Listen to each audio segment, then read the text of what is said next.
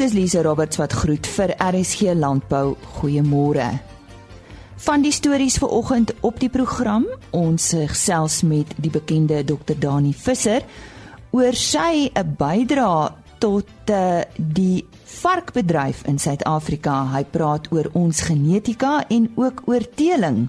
En wat is die doel van bome op 'n plaas?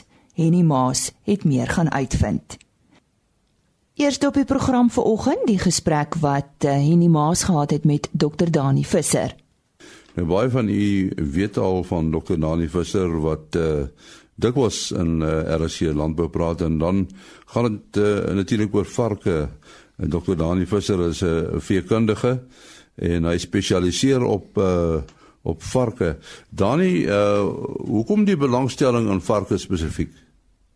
En ek sal moet so klein bietjie teruggaan uh in die verlede toe ek in 1985 begin werk het uh by Sedara Landbou College uh in die opleiding afdeling.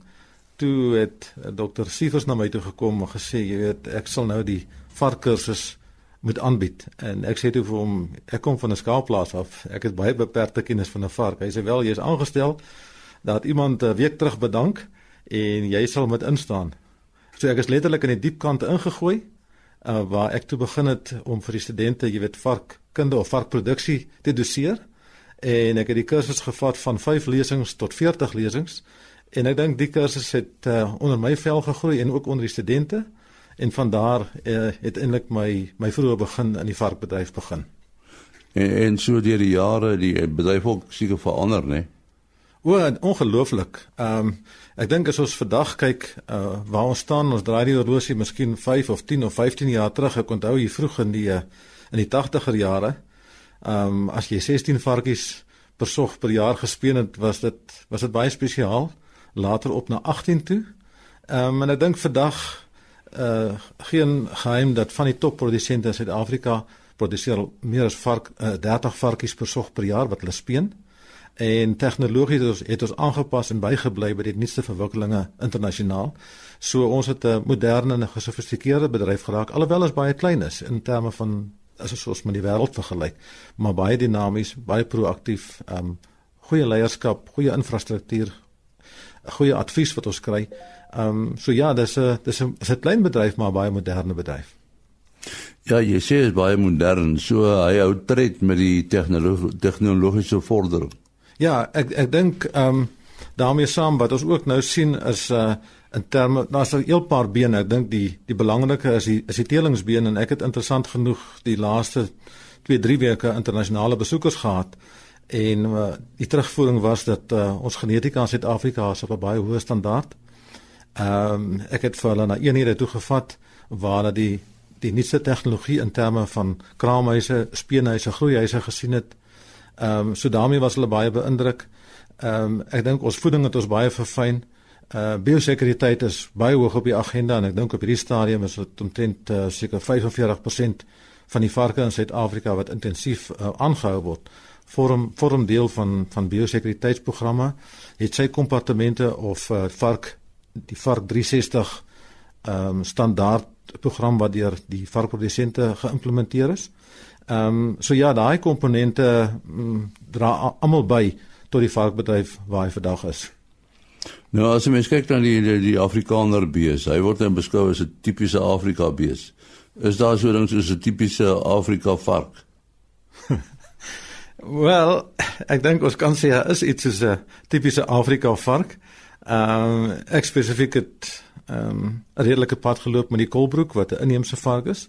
En dan is daar ook ehm um, ander inheemse varke wat nie noodwendig gedefinieer is in terme van 'n genotipe nie, maar uh, wat ook inheems is en as ek dan sê inheems dan het daar natuurlik kruising met ander rasse plaasgevind. Maar ja, kan, ons kan sê die kolbroek is 'n um, eg inheemse ras. Hmm. Die die die vraag, die verbruikersvraag na varkvleis. Hoe lyk dit vorentoe? Is dit 'n stygende tendens?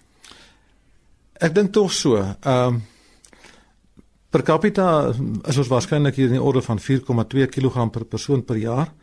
Ehm um, en ek dink die doelwit is om in die volgende 10 jaar op te gaan tot 5,2 5,3 kg per persoon per jaar.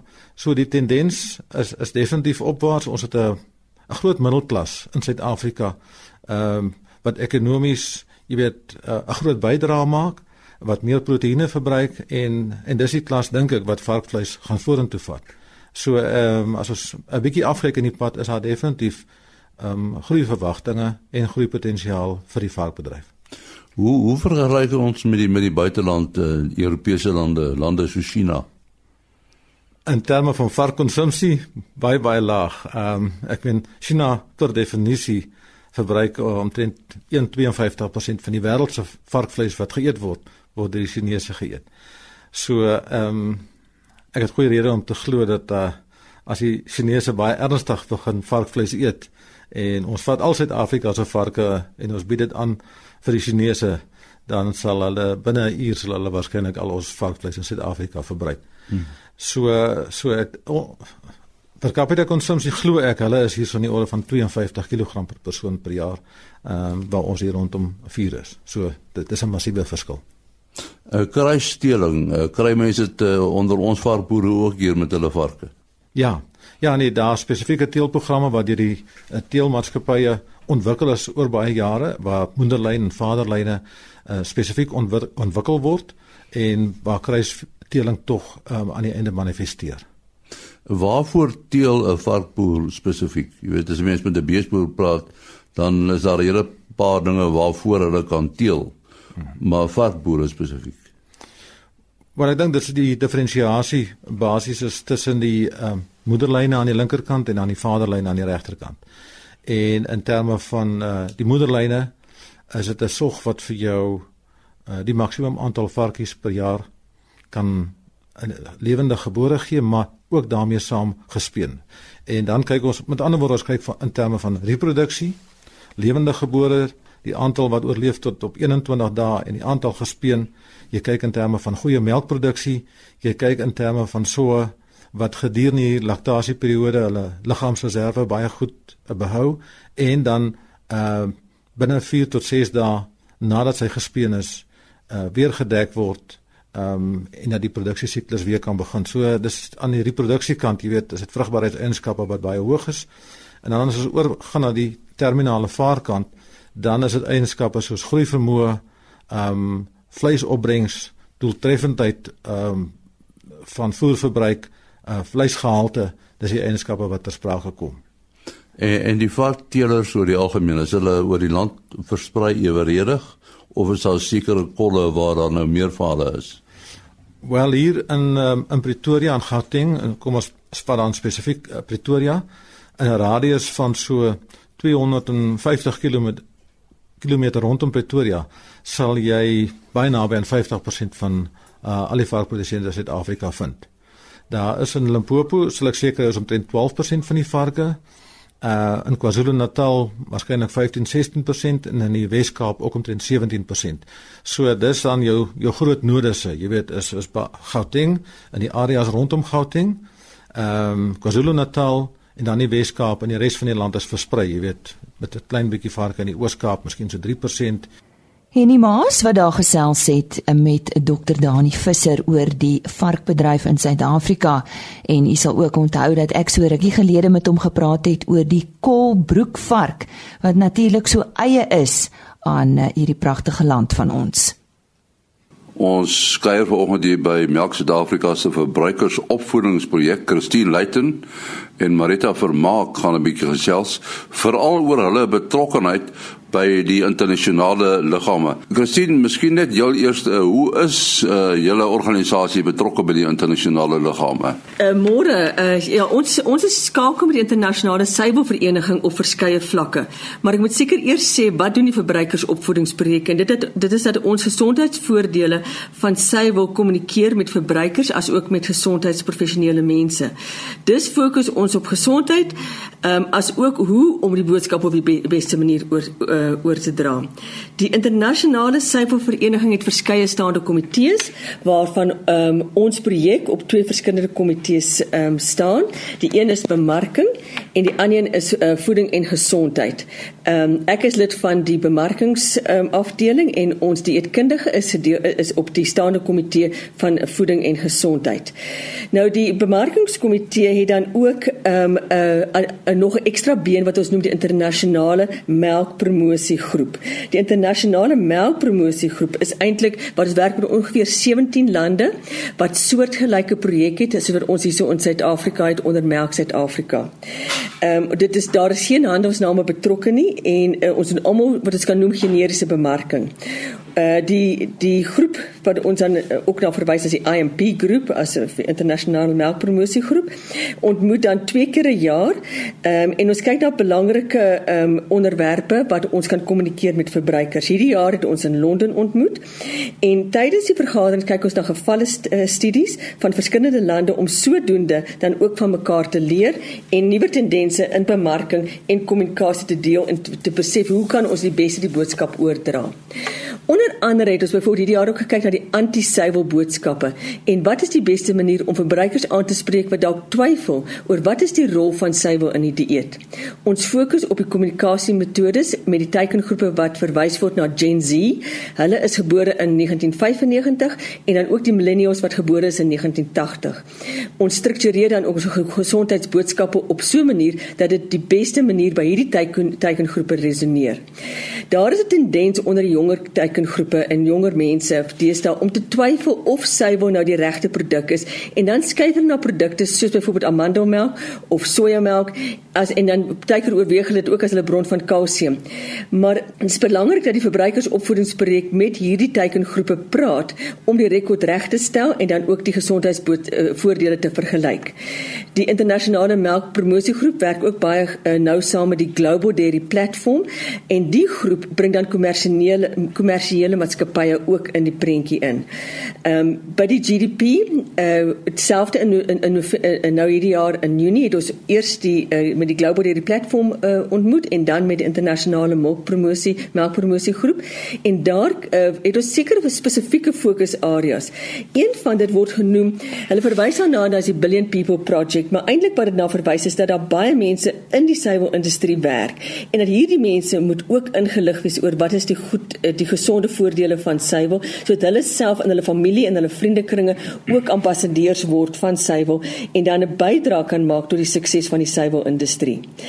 'n um, ander uh, belangrike projek wat ons mee saamwerk is met die Wêreldmelkdag wat hierdie jaar 1 Junie gevier was en daar het die Global Dairy Platform uh, die leiding geneem en vir ons die slogan gegee van Raise a Glass en ons het deel wat daarbey ingeskakel. Ons het byvoorbeeld persverklaringe uitgegee, ons het 'n infografiek ontwikkel en ons het ook onderhoude op televisie en um, radio gevoer oor Wêreldmelkdag en dit dra 'n groot bydrae um, globaal oor die boodskap van suiwel. Bietjie later in die jaar is ons dan ook betrokke by die wêreld skoolmelkedag wat ons dan baie saam met NPO en die departement van opvoeding ehm um, werk om die boodskappe by die kinders in die skole in te bring. So in Oktober gaan die uh, die verbruikersopvoedingsprojek weer uh, skakel met die suiwel um, met die wêreld suiwelberaad in Korea en dan word daar weer terugvoering gegee op al die projekte waarby ons betrokke is. So ons vind die skakeling vir, met die internasionaal regtig tot 'n voordeel vir die projek. En um, ek sou nou graag oorhandig na my kollega Marita Vermaak om meer te gesels oor die staande komitee oor voeding en gesondheid. Goeiemôre aan al die luisteraars. Ehm um, uh, ja, as die kinders gedien ek op die staande komitee komitee van voeding en gesondheid. Die fokus van die uh, groep is om voedingsverwante aspekte uh, op, op op die voedingsverwante aspekte van suiwel te fokus. Uh, die groep het verskeie werksgroepe en taakspanne um, waarvan uh, een van Suid-Afrika Suid-Afrika se kant af het ons um, nou betrokke gewees by die ontwikkeling van die rol van laktose en suiker in in suiwel. Twee um, feiteblaaie is alreeds deur IDF aanvaar en op hulle webbladsy uh, geplaas en uh, die luisteraars kan is, is welkom om ook daarop te gaan kyk um, uh, vir vir die die interessante uh inligting wat ons daar uh, rondom het. Ehm um, ek is ook betrokke by die taakgroep wat kyk na die invloed van plantgebaseerde alternatiewe asook die volhoubaarheid van suiwel en die rol wat dit in uh, dieet speel. Uh en daar is skakeling ehm um, ons is skakel met met al die uh ek wil amper sê die eh, die mense wat die mees uh, meeste op hoogte is van die nuutste navorsing rondom suiwelvoeding. Uh ons het dan ook 'n uh, 'n groep wat in die middel van die jaar hier so in Junie kom ons bymekaar in uh, Utrecht. Hulle noem dit die Utrecht uh, Research Group en uh, daar kry ons dan nou 'n terugvoer van van die heel nuutste navorsing en hierdie jaar het ons onder andere gekyk na um, A1 en A2 melk. Ehm um, die die voordeel van hierdie ehm um, betrokkenheid is dat mens op datum kan bly met nuutste ontwikkeling en sodoende sorg dat Melk SA en die werk wat die verbruikersopvoedingsprojek van Melk SA doen in lyn is met wat in die res van die wêreld gebeur. Nee, ons sê baie dankie aan uh, Marita Vermaak en Christine Leighton. Ons gesels volgende oor eh, droë seisoen voeding en hieroor gesels ek met Philip Meyering. Hy is tegniese bestuurder by Voermol. Wat moet beesboere hulle diere voer in die droë seisoen? Uh, dankie Lise. Um die grootste gedeelte van Suid-Afrika is somerreënvalgebiede met droë winters. Omdat die temperature daal, reënval afneem en die veld stadiger groei, val die kwaliteit van die veld soos die winter aangaan. Winterveld is droog, laag in proteïen, minder verteerbaar en die smaaklikheid is laag wat tot laer veldinnames lei. Nou, al hierdie faktore lei na massaverlies en swak herkonsepsies in beeste. Die vraag is dan natuurlik, hoe kan boere hierdie probleem oorkom? Nou, proteïen is in hierdie tydperk die mees belangrike ontbrekende nutriënt en dit is waar proteïenlekke in die prentjie inkom. Verduidelik vir ons uh, hoe proteïen lekker werk en hoe dit jou beeste kan help deur die winter. Wel, Lise, proteïen lekker vul die ontbrekende voedingsstowwe aan wat die veld nie kan gee nie. Hierdie aanvulling, veral proteïen in droë weiding, stimuleer die diere se eetlus. Dit, dit bevorder ook die vertering van droë weiding wat dan weidingsinname met tot 20% kan verhoog. 'n Proteïenlek beperk kondisie en massaverlies waardeur vrugbaarheid bevorder word. Sonder voldoende proteïenaanvulling deur lekke op droë weiding bereik teelkoeie nie hul teikenkondisie met die aanvang van die paarseisoen nie. Dit lei dan tot swak besetting en het gevolglik laer kalfpersentasies tot gevolg. Diereprestasie en die optimale funksionering van die immuunstelsel word nadelig beïnvloed as diere aan 'n proteïentekort op droë weiding en oesreste blootgestel word. 'n lae weerstand weens swak immuniteit maak diere dan meer vatbaar vir siektes. Wat is die unieke eienskappe van voermol se melasse gebaseerde proteïenlekke? Wel die irium vergiftigingsrisiko is baie laer as voermol se lekke gebruik word as gevolg van drie redes. Die eerste rede is dat die irium in al voermol se lekke in melasse stroop opgelos word. Die lek kan dus nat reën sonder enige gevaar. Die tweede rede is dat die relatief lae pH van voermelprodukte verseker dat die urium stadiger in die rumen tot ammoniak afgebreek word. Die stadiger beskikbaarstelling van ammoniak verseker doeltreffender benutting daarvan um deur die mikrobes natuurlik um in die rumen wat die risiko van uriumvergiftiging verminder. Die derde rede is dat die energie in melasse onmiddellik vir die mikrobes in die groot pens beskikbaar is. Dit verseker meer doeltreffende benutting van irium wat die gevaar van iriumvergiftiging verder verlaag. Voermol bemark 'n reeks melasse gebaseerde proteïenlekke in verskillende vorms en formate om aan alle boere se verskillende behoeftes te kan voorsien. Die reeks sluit in loslekke, blokke of vloeistowwe wat klaar gemeng en gereed is om gebruik te word of deur die boer self ingemeng te kan word. Melasse is ook ryk aan kalium wat matig lakserend is en gevolglik help om droë galsiekte in diere op droë weiding te voorkom. Die melasse in die voermol lekke is smaaklik en dit verseker dat die lekke nie stowwerig raak nie wat weer meer help om die voorgeskrewe lekkernaame te bereik. Een van voermol se topverkopers is Premix 450. Vertel ons meer van hierdie produk?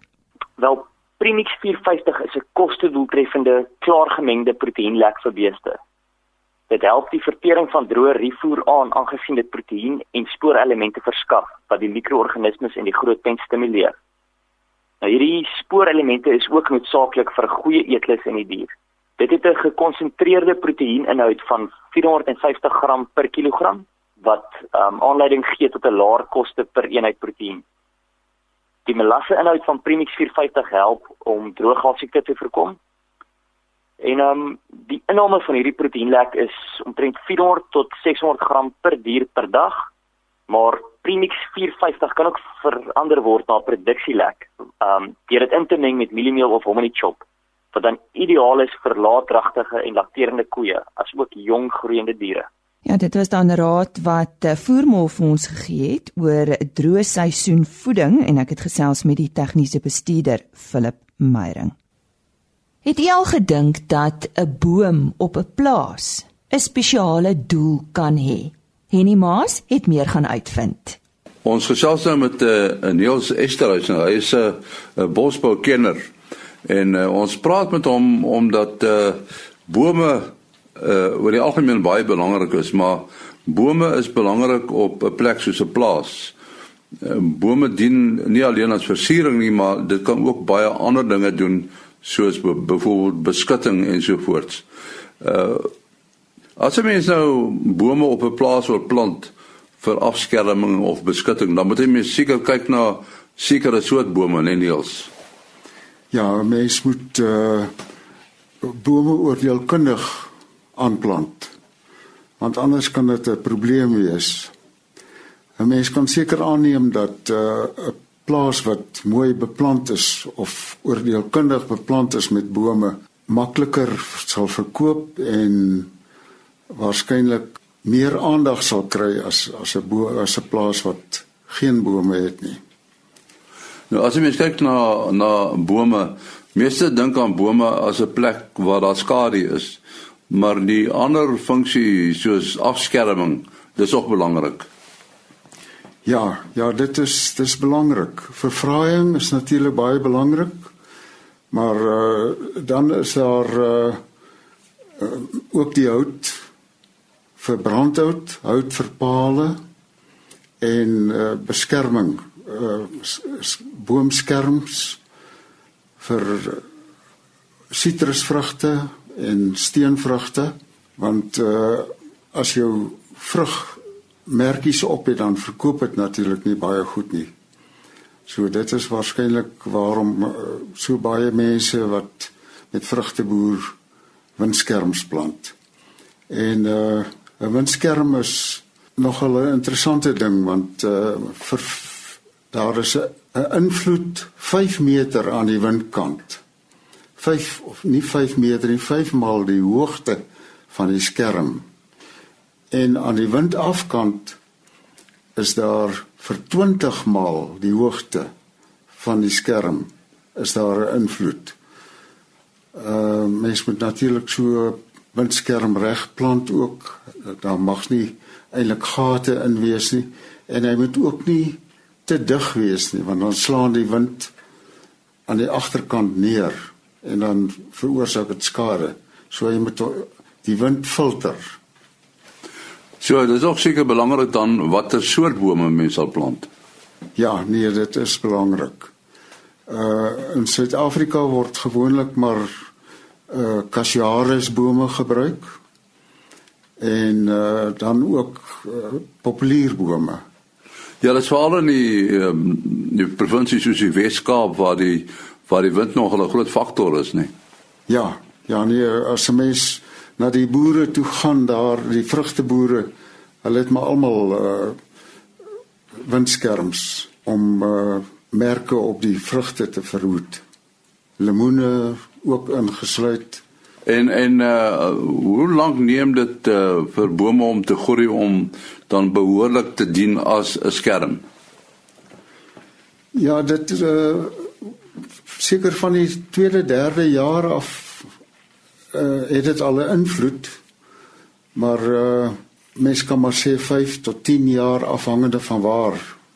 Want uh as jy hierdie bome uh, plant waar daar redelik reënval en goeie grond is, dan uh, is dit redelik uh, groei hulle redelik vinnig. Nou, bome het nou takke en blare. Watter deel van die boom is dit nou wat die die ware skerm is? Is is dit die takke of is dit die blare? Ja, dis maar die takke en die blare.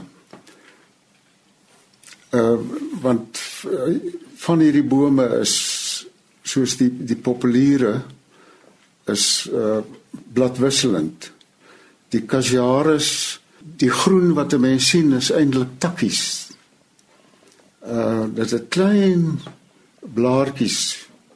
In in die geval van die Casiaris is dit maar meer takke wat die wat die skerm vorm. Nou ons nou gepraat van uh, bome as as windskerm en die ander is nou maar vir versiering en so voort. Ja.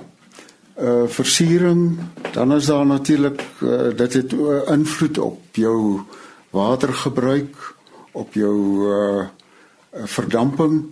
Dit het ook invloed op die bestuiving. Uh veral as die bestuiving natuurlik gedoen word deur deur uh, bye Maar daar is ook ander uh, redes waarom 'n mens sal bome aanplant. Alle plase gebruik hout en pale. So 'n mens kan jou eie hout en pale produseer. Ehm um, op baie plase word mis gebruik as brandhout of as 'n brandstof. En uh in so 'n geval is dit natuurlik baie voordelig as jy kan hout aanplant wat vir brandhout gebruik kan word. En uh die soort van boom wat 'n mens dan nou plant uh waar, waar wind nou nie 'n probleem is nie. Uh, ek dink nou aan iets soos 'n bloekomboom wat eintlik baie water gebruik, nê. Nee. Ja, nee, dit is so. Dit is so uh, waarom ek sê dat 'n mens dit moet oordeelkundig beplant jou plaas of jou perseel. Die bloekom gebruik baie uh, wel baie water, maar dit groei baie vinnig. En uh as 'n mens vandag gaan kyk na alle bewaringsgebiede, dan uh lyk dit asof die bloekomboom die embleem is van bewaring in Suid-Afrika. Want uh, hierdie plekke is absoluut vol bloekompale. ja, dit is eintlik 'n uitheemse boom, né? Nee? Ja, hier dit is is 'n bloem van Australië. En uh in baie plekke is daar probleme met hierdie bome, maar uh, uh dit het sekerlik ons inheemse bome gered van uitwissing. Henny Maas wat by Niels Esterhuizen gaan uitvind het wat is die doel van eh, bome op 'n plaas. Fluit fluit ons storie is uit vir vandag. Onthou môreoggend weer by ons aan te sluit, dan is Chris Derksen natuurlik terug met ons vleispryse. Totsiens. RSG Landbou is 'n produksie van Plaas Media. Produksieregisseur Henny Maas. Aanbieding Lisa Roberts en inhoudskoördineerder Jolandi Root.